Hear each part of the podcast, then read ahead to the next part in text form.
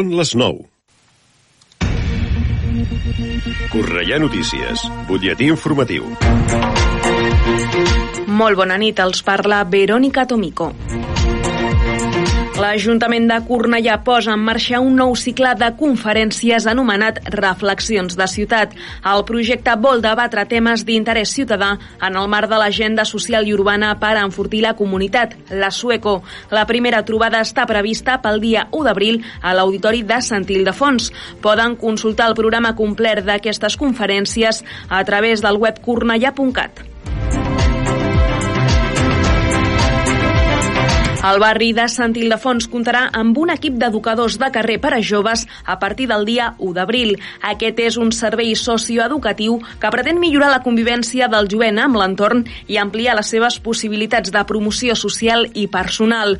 Un altre dels objectius és que els joves coneguin els serveis de què disposa el barri adreçats al col·lectiu i copsar també les seves necessitats. Cornellà celebra demà el Dia Mundial de la Poesia. La ciutadania cornellanenca pot gaudir amb un recital poètic musical que tindrà lloc a l'Auditori de Sant Ildefons a partir de dos quarts de vuit del vespre. En aquest acte es pretén donar un espai a poetes de la nostra ciutat o en vinculació amb el municipi. La cita és totalment gratuïta, però per assistir cal fer reserva d'entrada a través de cultura arroba j-cornellà.cat. I Cornellà se suma dissabte a la campanya mundial L'Hora del Planeta. La iniciativa consisteix en el gest simbòlic d'apagar el llum durant una hora com a mostra de suport a la lluita contra el canvi climàtic. L'Ajuntament participa amb l'apagada de la Torre de la Miranda, del Castell, de l'enllumenat públic de davant del consistori i de Can Vallhonrat. L'acció està programada per dissabte a partir de dos quarts de nou del vespre. Fins aquí aquest butlletí informatiu. Poden seguir informats de l'actualitat de la nostra ciutat al Cornellà Notícies de la una del migdia, els butlletins horaris i a l'app i la web de Ràdio Cornellà. També trobaran les darreres actualitzacions i notícies al radiocornellà.cat i a les xarxes socials de la ràdio, Twitter, Facebook i Instagram. Ara el temps. Connectem amb l'Agència Estatal de Meteorologia. Bona nit. Demà divendres esperem a Catalunya una jornada amb ascensos de les temperatures. Les mínimes pujaran al terç nord i no canviaran gaire la resta, amb uns valors mínims de 7 graus a Girona, de 8 a Lleida, d'11 a Tarragona i de 12 a Barcelona, mentre que les temperatures diurnes pujaran en general amb unes màximes previstes de 18 graus a Lleida, de 17 a Tarragona i a Girona i de 16 a Barcelona. Per la resta esperem un dia de cels ennupolats o coberts a la meitat sud del territori i amb intervals ennupolats augmentant a cels ennupolats a la resta. S'esperen precipitacions disperses i que podrien anar acompanyades de fang, sobretot al terç sud, i no es descarten de forma aïllada i ocasional a la resta, sent menys probables cap al nord-est. La cota de neu baixarà d'uns 1.800 metres durant la jornada a uns 1.200 al final del dia. Per últim, el vent serà de l'est i del nord-est, fluix amb alguns intervals moderats i també tindrem alguns intervals forts al litoral central i sud. És una informació de l'Agència Estatal de Meteorologia. L'informació de Cornellà. Més a prop, impossible.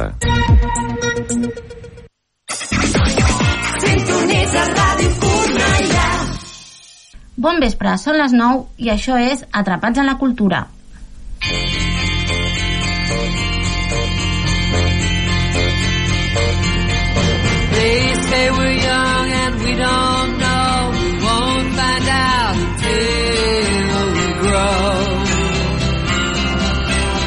Per en Bill Murray, tots els dies era la mateixa cançoneta. Estava atrapat en el temps. Per nosaltres, tots els dies també són iguals. En Bill el salvava l'Andy McDowell. I a nosaltres, qui ens salvarà?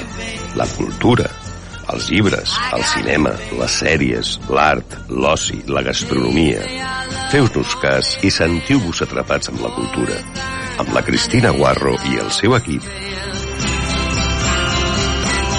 Guess that's so we don't have a plot, but at least I'm sure of all the things we got. Babe, I got you, babe. I got you, babe. I got flowers. Benvolguts oients, eh, avui 24 de març tornem una setmana més, com sempre, ja sabeu, parlant de molta actualitat cultural, especialment la que es fa aquí a casa nostra, al nostre municipi, a Cornellà de Llobregat, però abans de començar, que ja sabeu que sempre ho fem amb l'agenda cultural, una, eh, un petit eh, punt cultural que no té res a veure amb, amb el que es fa aquí a Cornellà. I és que demà, 25 de març, és Dantedí.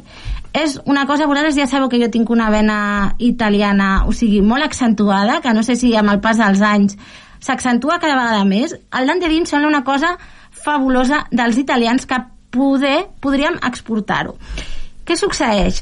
A veure, el, en italià els noms de la setmana es diuen tots acabats amb aquesta i accentuada aguda.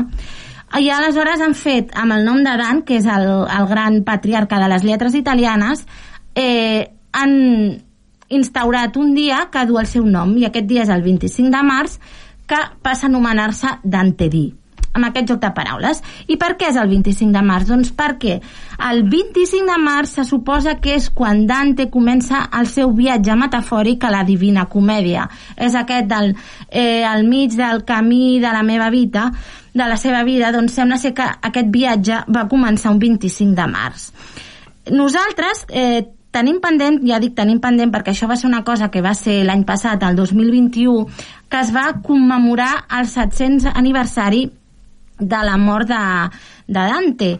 Eh, unes celebracions una mica bé caòtiques eh, causades per, per la pandèmia i aquest Covid i sí que és cert que aquí a casa nostra, tant en castellà com en català, eh, s'han fet o han sortit noves, noves traduccions de, de, les seves, de les seves obres. Aquí simplement farem un esment, perquè ja us dic, o sigui, crec que, que mereix fer-se un programa eh, parlant de Dante, de totes les noves eh, aquestes traduccions, perquè n'hi ha d'algunes que són ben interessants, i tampoc em vull extendre molt perquè ja us dic, mm, és que m'estic repetint molt però és que realment crec que mereix un capítol a part.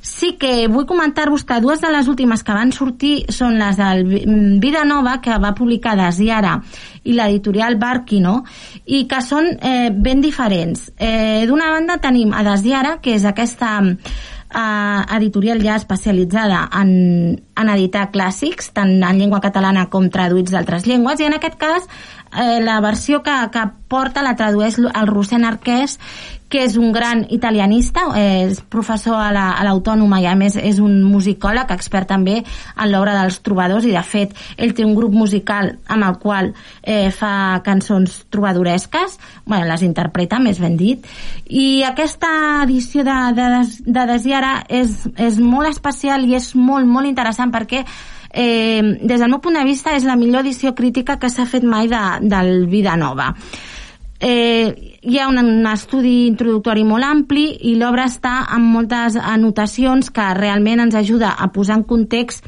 aquest, aquesta obra. I després, per altra banda, l'editorial Barquino va sortir uns mesos abans, però totes dues són del, del 2021, eh, va, el que va fer va ser recuperar eh, una, una traducció de, de principis del segle XX i eh, està acompanyada d'un estudi, estudi introductori del professor Francesco Ardolino que parla de la relació de la vida nova i la influència que va tenir en l'obra de, del poeta Joan Maragall. Aleshores, eh, crec que també és interessant a vegades parlar de per què les traduccions i les diferents els temes de les diferents edicions perquè doncs, moltes vegades hi ha, mm, hi ha diferències entre, entre un i altre i per què es trien. Jo crec que en aquest cas totes dues eh, són... Bé, estan molt bé. Potser si voleu aprofundir-hi una mica més, jo triaria la de Desiara, que ens ajuda una mica a contextualitzar molt el que és la, la vida nova, perquè la vida nova és una mica com la... és l'explicació del que Dante va fer anys després a la, a la comèdia. És l'explicació d'aquest viatge metafòric i com el seu amor per Beatriu, i és explicar una mica... és com una autobiografia literària del que després escriurà. I jo crec que per aquí ho deixem el tema, perquè és que ja m'extendré i em podria parlar hores i hores i hores, i el que fem, el nostre tècnic, el Marc, ja, ja se n'en fot de mi directament, jo crec, que és una mica ja riu perquè ja sap que, que no que no, que no pararia i sap de la, de la meva ve, ve, eh, vena italiana. Aleshores, o sigui, nosaltres ja comencem la sintonia de l'agenda cultural i som-hi un dijous més.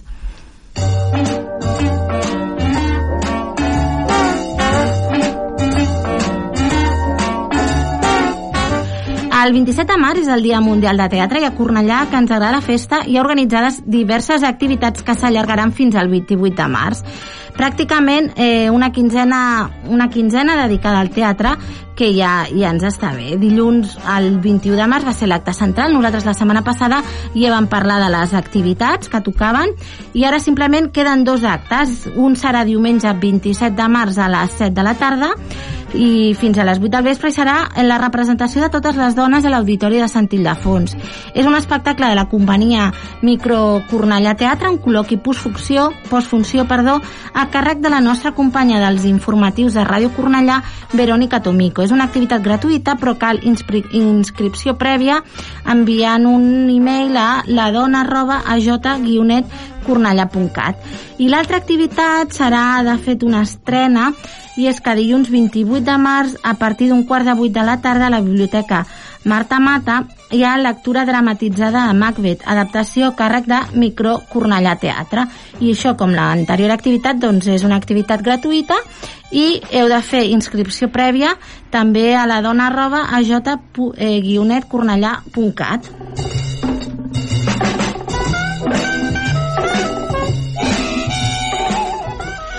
A principis del mes de març ja us vam comentar que la Sala Padró havia programat tot un, tot un mes ple d'activitats sota el lema de per un març món feminista a la Sala Padró. Us en comentem algunes de les més destacades de la setmana. Divendres 25 de març a les 8 del vespre, La casa de Bernarda Alba és una nova posada en escena d'un clàssic de Federico García Lorca que explora el paper de les dones en una societat tradicional. Cinc personatges femenins busquen alliberar-se d'allò que les tormenta i empresona. La casa de Bernarda Alba, un clàssic del teatre espanyol del segle XX, a càrrec de la companyia Càmera de Teatro, que ja ha portat a escenes altres obres de García Lorca com Yerma. Clàudia Quintana, Ampa Andreu, Gavi Bausà, Marina Mora i Sònia Saez són les cinc actrius que interpreten aquesta peça plena de simbologia que parla de dones i que està protagonitzada per dones. La segona activitat, dissabte 26, a les 6 de la tarda, presentació de Sola, de Carlota Gurt. Torna al Club de Lectures Perifèriques coorganitzat amb la llibreria Pati Blau que comptarà amb la presència de l'autora.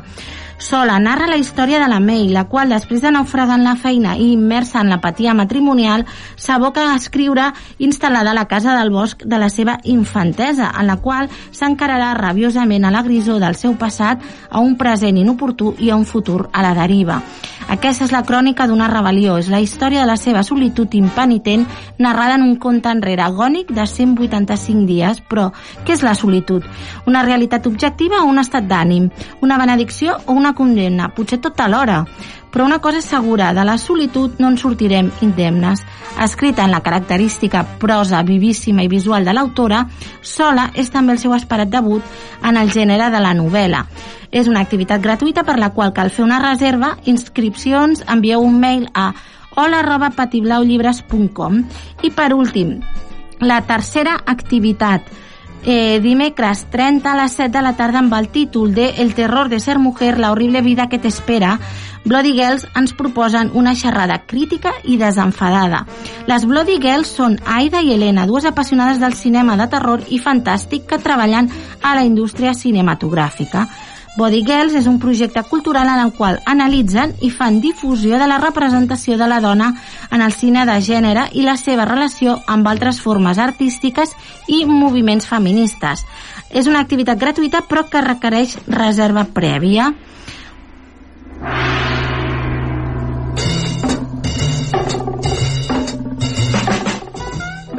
Demà divendres 25 de març a la llibreria Patí Blau a les 7 de la tarda nova sessió del Club de Lectura Dones Literàries. En aquesta ocasió es parlarà del llibre Circe o El placer del azul, escrit per Begoña Camaño. Camaño recrea la història de Circe la bruixa i de Penélope la muller, totes dues mites fundacionals de la cultura europea i occidental. Una dona espera des de fa uns anys el retorn del marit, que torna a la llar després d'una llarga i accidentada travessa Quan comença a temer la seva mort, la de la qual pensa que és a prop, rep la carta d'una desconeguda que l'informa que el seu marit no és mort, sinó que manté amb ella un romans apassionat. D'ençà d'aquella primera carta sorgeix una intensa relació epistolar entre amb dues, entrellaçant el seu destí. Circe o el placer de l'azul és una lectura del món ofèric, homèric, disculpeu, feta des de la perspectiva femenina, a partir d'un profund coneixement de l'univers clàssic com a taló de fons l'Odissea.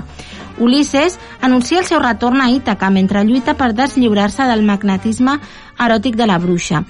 La dinamitzadora de la trobada serà la Susana Álvarez, una de les llibreteres blaves.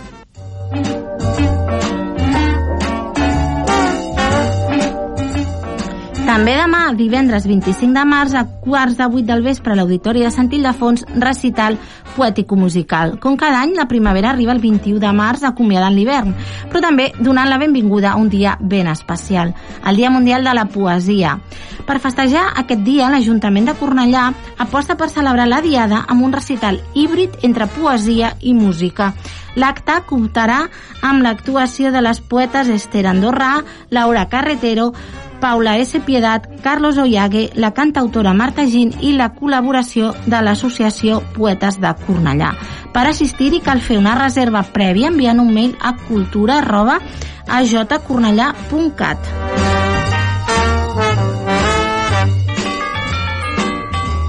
Diumenge 27 de març a les 6 de la tarda el Patronat Cultural abans que arribi l'alemany. Nova proposta de la dotzena edició del concurs de teatre amateur Ciutat de Cornellà. Premi Joaquim Vilà i Folk. La companyia Buit adapta l'obra de Marta Barceló que reflexiona sobre l'Alzheimer. Qui és l'alemany? I per què la Júlia d'intentar viure abans que arribi i s'instal·li a la seva vida? Per què aquesta dona que ja frega la seixantena ha decidit fer tot allò que mai havia pogut fer, totes aquelles coses per a les quals sempre li havia mancat temps, encara que ara se n'adoni que eren les més importants, les que donaven sentit al seu existir. La resposta és ben senzilla, perquè sap que l'alemany robarà tot allò que és important. Ja no se'n recordarà, ja no sabrà quan va ser feliç ni per què. Ja no reconeixerà el somriure dels amics ni els amics mateixos, i és que l'alemany és poderós, tant que és impossible guanyar-lo en la guerra. Només se li pot robar temps, derrotar-lo en alguna batalla, escapolir-se'n mentre encara és possible. I aquest és l'anel de la Júlia, aquesta dona que eh, està, doncs, eh, que s'afronta, disculpeu, eh, que s'afronta amb ella a la malaltia amb una visió pragmàtica des de la serenor de l'edat, sense por, amb fermesa i amb un punt d'humor que fa més proper el sentiment de la persona malalta. Diumenge, 27 de març, a les 7 de la tarda, a l'Auditori Començar, comèdia protagonitzada per Mar Uldemolins i David Verdaguer. Aquesta vibrant comèdia, escrita per en David Eldridge, és una obra de teatre entre la tendresa i l'humor. La trama situa l'espectador en la festa que Laura ha fet per estrenar el seu pis i que ja s'ha acabat, però queda l'últim convidat, en Dani. No es coneixen, tots es freguen als 40 anys.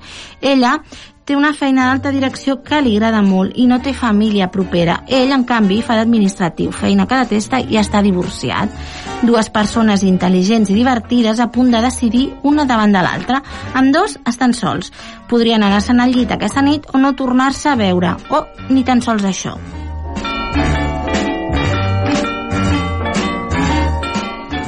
I aprofiteu diumenge 27 per visitar l'exposició L'home nu, tot despullant els arquetips de la masculinitat al Museu Palau Mercader.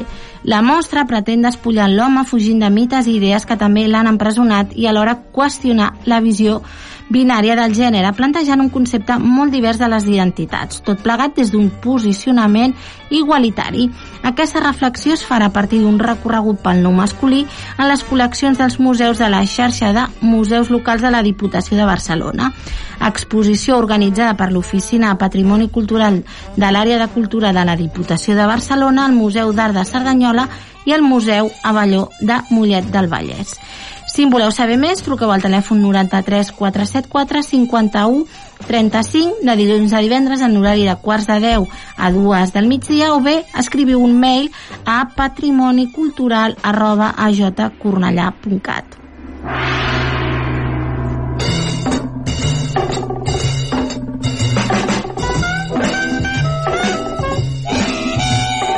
I això és tot el repàs a aquesta extensíssima agenda cultural. Me n'oblido, fins al 27 de, de, o sigui, de març, fins aquest diumenge, encara teniu oportunitat de al Dansa Metropolitana. Us recomano que consulteu el web, consulteu també el web del Què fer Cornellà, a les seves xarxes socials, o del Cornellà Escena, perquè és que hi ha moltíssimes activitats programades pels següents dies i per una qüestió pràctica de temps no les podem mencionar-les totes. Estàs escoltant Atrapats amb la Cultura.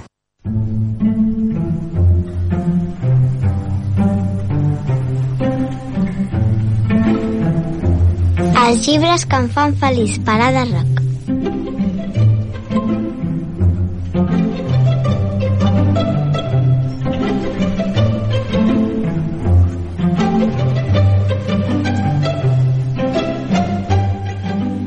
Doncs ja tenim aquí una de les novetats de la temporada, tot i que eh, arriba una mica tard perquè ja som al març, però avui ens acompanya la de Roc, molt bona nit. Bona nit. Que hem incorporat la seva veu i el seu punt de vista per parlar de literatura infantil i què tal? Bé, són molt interessants els llibres. Sí, ja hem vist que ja hem sentit que et fa molt feliç Sí, els llibres i la lectura. I per, per quin vols començar a parlar-ne?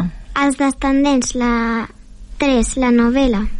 Els, els Descendents 3, que en aquest cas es tracta d'una adaptació feta per la Karin Davis, que a la seva vegada es, es basa en els Descendents 3, escrita a quatre mans entre el Josan McGibbon i la Sarah Parriott. Editorial Libros Disney. Què ens, què ens pots explicar d'aquest llibre? Es recomana, es recomana per a nens i nenes a partir de 8 anys d'edat. Té 251 pàgines. I què, què, com és la seva lectura? T'ha semblat fàcil de seguir? Sí, Has d'anar a poc a poc? no, és fàcil. Parlem una mica dels personatges que hi apareixen. Vale. Iva, Ivi, filla de la reina malvada del conte de la Ventafocs, Mal, fi, filla de la malèfica la vella dorment, Carlos, fill de la cruela de Vil, del conte de Sant Un Dàlmates, Dizzy, Doc, Jay i Ben. I aquests quatre últims que no, són, no tenen parentela malvada? No, sí, Sí o no? sí que tenen, però no ho sabem. Ah, no se sap, però perquè s'ha d'anar desvetllant? Sí. Ah, o sigui que no en direm res. Eh? No, no farem spoiler fent servir la, aquesta paraula tan de moda ara. A veure, i què? La història. Explica'ns una mica d'aquesta història. On està situada? On passa? Passa en dos llocs. Una, en la illa dels perduts, on viuen fills i filles del, dels malvats dels contes i gent pobra. I Aurodon, on viuen fills dels protagonistes bons dels contes de Disney. O sigui que, que tenim dos nivells, no? Separats. D'una banda els bons i d'altres dolents. Sí. I, ahí, I allà us ho fareu, o no? Sí. Una mica així, no? I què, què passa durant la, la història? Quina és una mica... Què explica aquest Descendents 3? Pues, durant la història, Mal està a punt de convertir-se en la nova reina d'Aurodon i Audrey, l'antiga nòvia de Ben, fill de la Bella i la Bèstia, està gelosa i ella no ho vol. Audrey, per intentar evitar-ho, agafa el cetre de Malèfica i la corona de la reina. Amb això, obté uns poders dolents per a dormir a tot Aurodon amb màgia negra. Els fills de talents dels contes lluitaran totes les seves forces per evitar que se'n sortin amb la seva. A partir d'aquí us recomano molt, molt la lectura del llibre. El llibre conté 8 pàgines de fotos. I al final, que em sembla que no el podem desvetllar, no podem avançar-lo, però... Us emocionarà molt. I què, que a tu t'agrada puntuar els llibres? Pots fer de l'1 al 10? Pots posar una puntuació? Pots Sí, posar-li? la, el Leo. El 10, o sigui, uau, a tu aquest t'ha fet molt, molt, molt feliç, Ada. Sí o no? Sí. I què?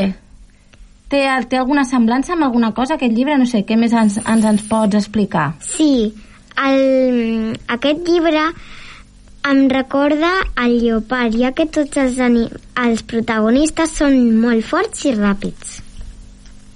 I què, què t'ha transmès? T'ha fet sentir alguna Negre. emoció mentre el llegies? Sí, negre, perquè com la illa dels perduts hi ha molta foscor, Ai. I què més? Què més ens en pots dir? Pues la textura m'ha suggerit rugosa, perquè durant tota la història passen moltes coses i hi ha moltes històries creuades.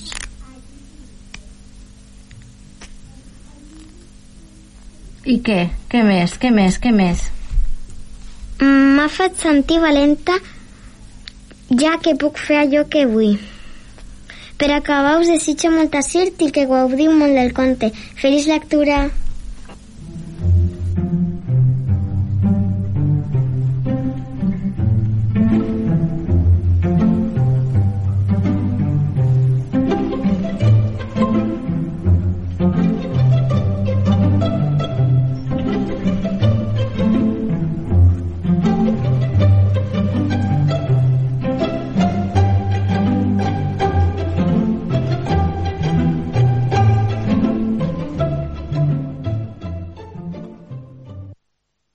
Estàs escoltant Atrapats amb la Cultura.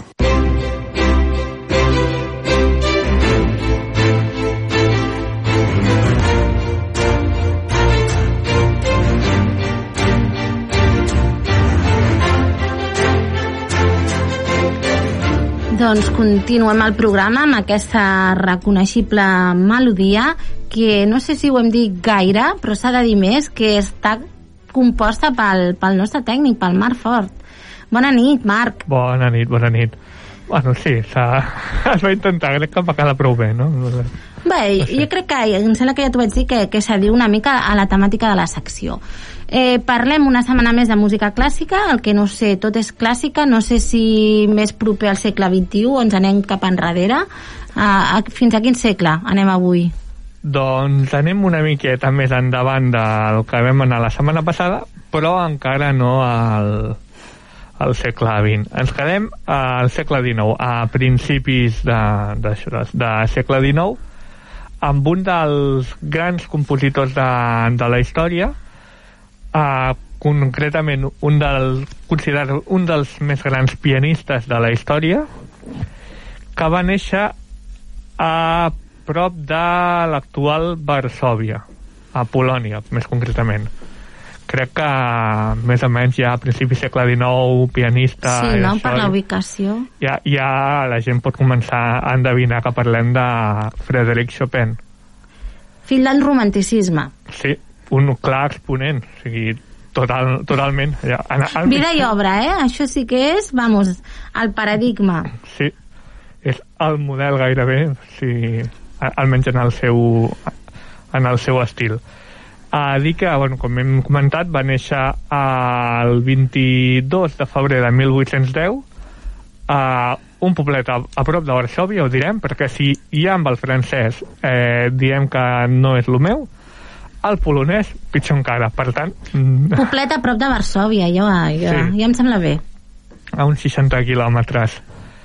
Uh, era fill de d'un pare d'origen francès, uh, Mi, Nicola, o Nicolà, Nicolà, jo, algo, bueno, he, dit que no em diria, i al final m'he acabat liant a, a dir noms. No, bueno, el seu pare era en fi, un emigrant francès de llunyans avantpassats polonesos que s'havia traslladat a Polònia uns, unes dècades abans eh, animat per la defensa de la causa a polonesa i era professor de literatura i, i llengua francesa allà a, a Varsòvia la seva mare que es deia Tecla aquest és més fàcil, Tecla Més senzill, no? Com la nostra Santa Tecla, no? De Tarragona.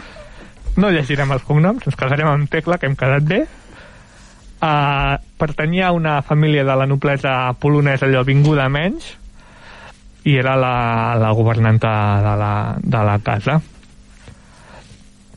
Uh, com dèiem, és considerat un dels millors compositors de piano, instrument pel qual va compondre gairebé exclusivament.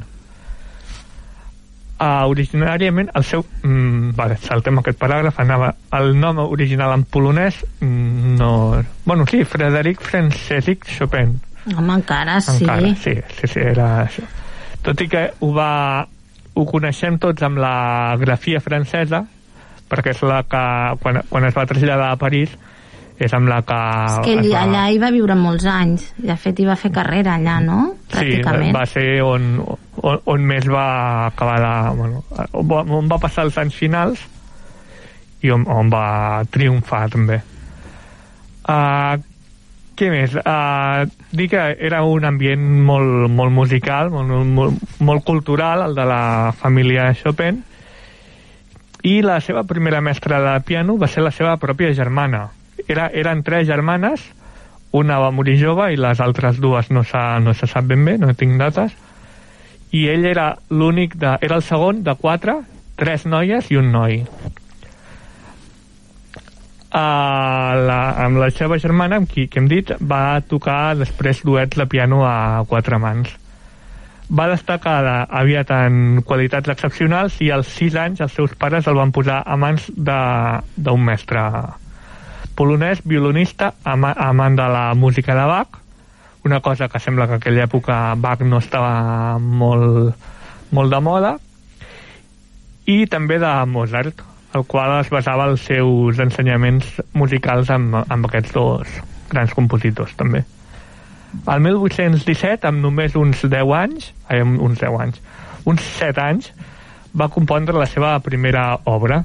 Es tractava d'una polonesa en sol menor per a, per a piano, publicada aquest mateix novembre del, del mateix any.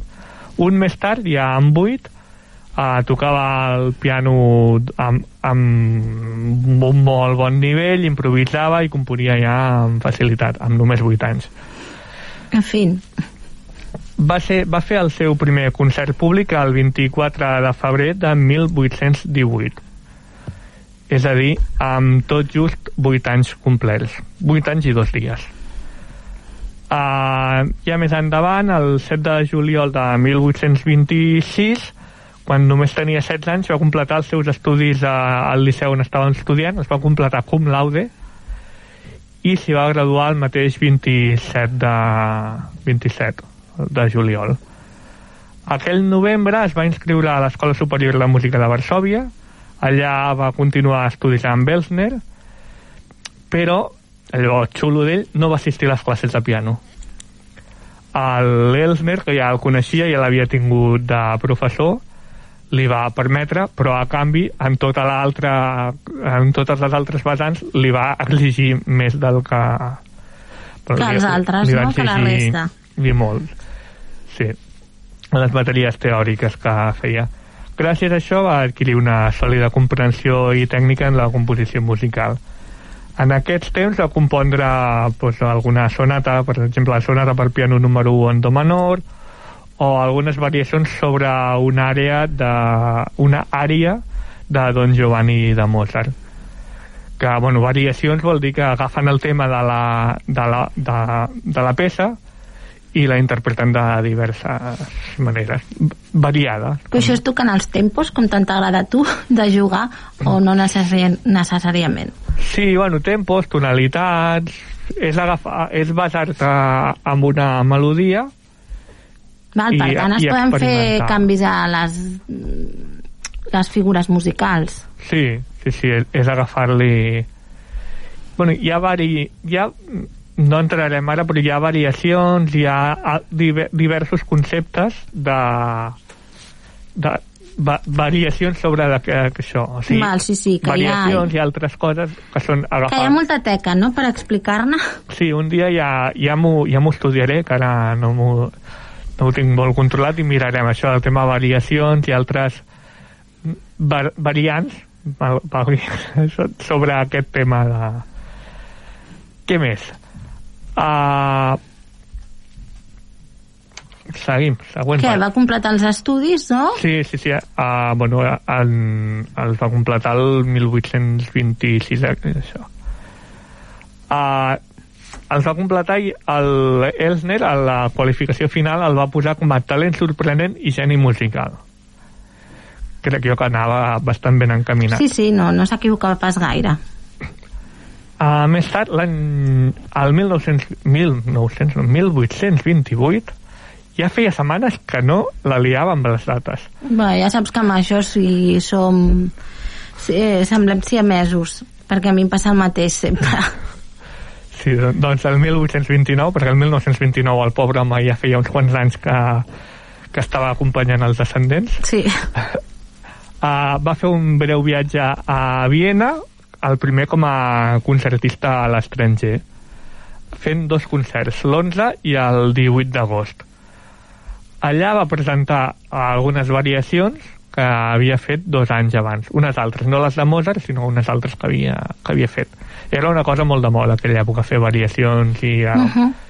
i adaptacions de coses orquestrals. I això. Uh, L'èxit va ser apoteòsic i el jove compositor no, bueno, va, quedar, va quedar molt sorprès de tenir aquest èxit a, a Viena però dos anys més tard, allò de les segundes partes, dos anys més tard va tornar a Viena i l'estada no va ser tan, tan exitosa, tan agradable, sí.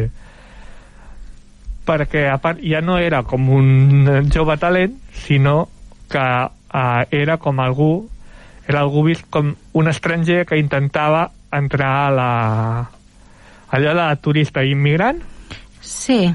ve de lluny, vaja. I, bueno, la, tant la crítica, la premsa no el van acabar... Tampoc va ajudar el fet de que la situació a Polònia no era gaire estable. Hi havia un conflicte, estava amb... El que passa avui a Ucraïna, més o menys, uh, generalitzant molt, eh? A veure, ara que, no, que és un tema sensible i això, però bueno, era una inestabilitat d'aquest estil ho deixarem uh, així. No? és que P- Polònia ha estat tradicionalment un país envaït per, per diferents països que se l'han disputat diversos països. O sigui Sí, que... clar, està, sí, sí, està, està, entre, la zona frontera entre Sí. l'imperi rus i... i, i Europa, i, bueno, són d'aquells països que... Déu, Bé, que, que tenen mala sort perquè els toca rebre per totes bandes. sí. Bé, I bé. Entenc que va deixar Polònia una altra vegada, no? Sí, no, quan va deixar Polònia, uh, una, uns anys abans ja va ser per, per intentar establir-se, bueno, va fer un viatge per Europa intentant establir-se en, en algun lloc. L'intent de, de Viena no va funcionar i, bueno, això, per, per tot el que dèiem i perquè el públic el que volia era sentir valsos d'Strauss, Lanner i aquestes coses, i no, no, no estava interessat. No va en- encaixar, diguem-ne. no, no, no. Uh, bueno, com hem dit, la part, la, els, el conflicte polonès tampoc era massa ben vista a l'imperi austríac. Per tot això, en els vuit mesos que va estar a, a Viena, només va fer dues actuacions amb, i l'èxit va ser allò... pff, Bueno, modest. Uh, veient l'èxit aquest, que no, que no tenia futur a Viena, va anar, volia anar cap a Londres, però es va quedar, al final es va quedar a París, ciutat que era el, en aquell moment el centre mundial de, de la cultura i molts dels grans artistes d'allà hi vivien, vivien a, a París. De fet, a Victor Hugo, Balzac, per això citar do, do, dues, dos personatges de l'època Rellevants, no? i, i vivien. També hi va anar Liszt després, i hi havia George Sand, hi havia tot, bueno, tot l'ambient cultural de, de l'Europa occidental de l'època estava principalment Instal·lat a París. a París sí. I allà sí que ja hi va, li, va, li va encantar l'ambient i va trobar acceptació i va, aprendre, aprendre molt. Ah, De fet, el seu primer concert públic es va convertir en tema de conversa de tota, de tota la ciutat, pel que sembla. El, En positiu? Sí, sí, sí, en, en positiu. En aquest cop a París sí, en, en positiu. Al programa hi figurava el, un concert en fa menor i més variacions mozartianes. A la segona part va fer una cosa que ha de ser espectacular, m'encantaria veure-ho a mi. Amb, amb ell no, no pot ser, però amb pianistes bons sí. Perquè va compartir escenari amb notables pianistes com Camille Maria Stamati, George Osborne o Ferdinand Hiller. I van interpretar una polonesa del Kalbrenner a sis pianos. Déu-n'hi-do. Sí, ha, ha de ser, ha de sonar... A més, sí, p- pels que com jo som aficionats o superfans del, del piano, sis pianos ha de ser un espectacle sentir-ho. Uh, entre el públic es trobava músics de la talla de Mendelssohn o Liszt que amb, amb Liszt eh, entau, entaullarien una amistat després en, en, en el futur uh, què més? Uh, pocs anys més tard la cosa es va començar a complicar per ell ja que el 1838 va malaltir de tuberculosi es va traslladar a Mallorca buscant un clima una miqueta més favorable que el de, que el de París per la seva malaltia però que es va trobar que la societat mallorquina mm, la tuberculosi no la tenia massa ben Considerat. massa ben considerada la mallorquina Bé, i bé, jo crec que a tot arreu, eh? Sí. A tot arreu, al final vivien apartats. Sí. I bueno, va estar a la cartoixa de Val, Valdemossa, de Valldemossa. Uh, però bueno, allí, allí va estar uns anys i al final uh, va morir oficialment de tuberculosi el, el 1849, el 17 d'octubre, a París. Si bé que hi ha algunes coses que diuen que potser hauria sigut fibrosi pulmonar o infus- Però enfisema bueno, al final, pulmonar. si no, seria derivada de la tuberculosi. Deixa'm Sí. fer un safareig, Sí. com a mi m'agrada. És que a Valldemossa eh, s'hi van salar amb la George Sands, perquè van ser amants. I hi ha una pel·lícula, però no recordo el títol, una pel·lícula francesa protagonitzada per la Juliette Binoche, que explica una mica aquesta estança a Valldemossa. I malauradament Chopin va morir relativament jove, per tant, la seva obra no es va poder ampliar i no sé, què ens has portat per il·lustrar-nos? Doncs us he portat una cosa al piano. Dic, dic que va, va morir molt jove, amb només 39 anys, molt jove. Sí, potser no, no està massa precisa en l'adverbi. Sí. Bueno, jo dic només 39 anys perquè és que aquest any faig 39 Bueno, jo, anys. jo en tinc més. Sí, sí. Per tant, això, per, per la cuenta que nos trae, molt jove. Uh, doncs us, uh, escoltarem una polonesa, concretament la número 6, en... Uh, espera, deixa'm traduir-ho de l'anglès, és que ho tinc en A, A flat, que això seria en La sostingut. No, en La bemoll. I fem una cosa, Marc, avui, aquesta nit, com a excepció. Deixem el Palo Conte reposant, no perquè estigui malalt, eh, que no ho sé, però tancarem el programa amb, la, amb Chopin i aquesta polonesa 6. O sigui que bona nit, a reveure, tornem la setmana vinent, una abraçada ben forta a tots els nostres oients i ens veiem, com he dit, la setmana vinent, que serà ja 31 de març.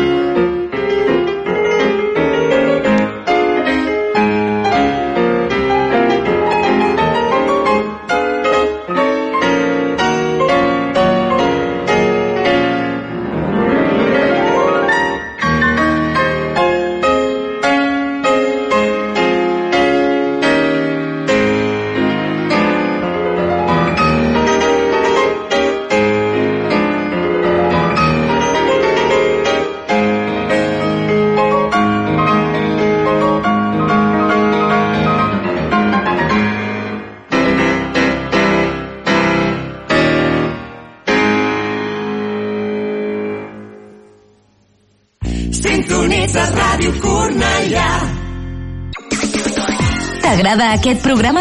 Descarrega't ja l'aplicació gratuïta Ràdio Cornellà per iPhone i Android. El podràs escoltar, compartir i descarregar. Ara, ho tens més fàcil que mai. Gaudeix de Ràdio Cornellà quan vulguis al teu mòbil.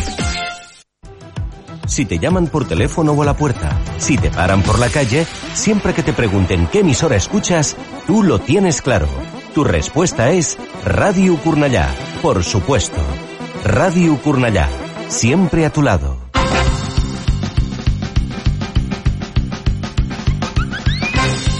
De més enllà, viatgeu amb nosaltres cap a un món de músiques. Connecta't amb De Més Enllà cada diumenge de 5 a 7 de la tarda a Ràdio Cornellà, amb Jordi Garcia.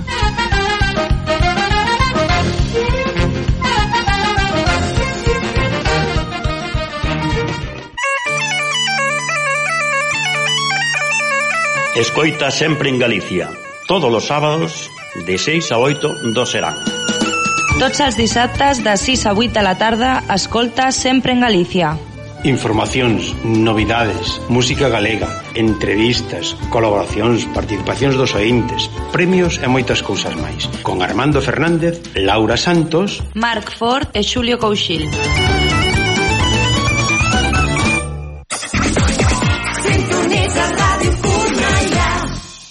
Can't touch this. Can't touch this. You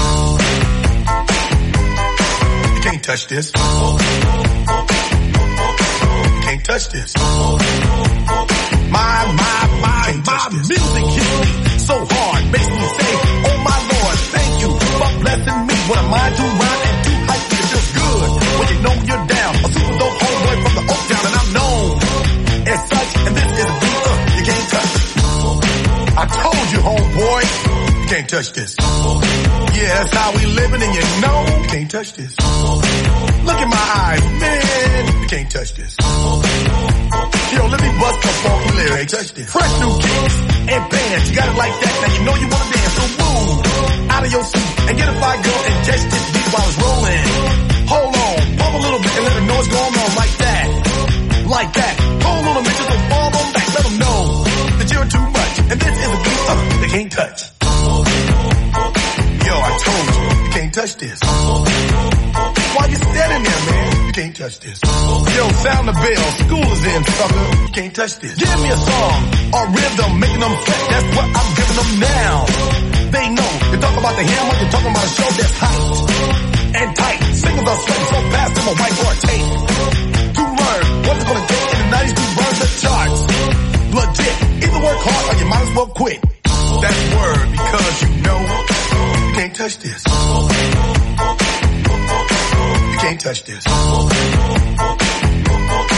Break it down.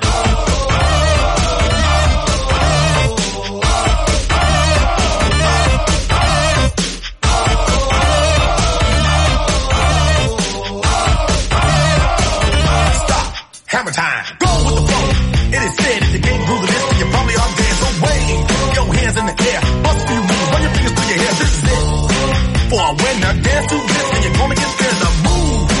Slide your rump. Just for a minute, let's all do the bump. Bump, bump, bump. Yeah. You can't touch this. Look, man. Can't touch this. You better get hype, boy, cause you know you can't, you can't touch this. Ring the bell. School's back in. Break it down.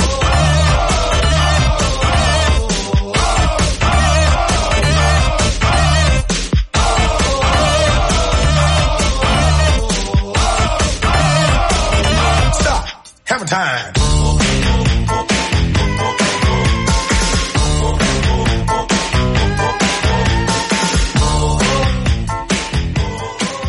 Ràdio Cornellà, 104.6 FM.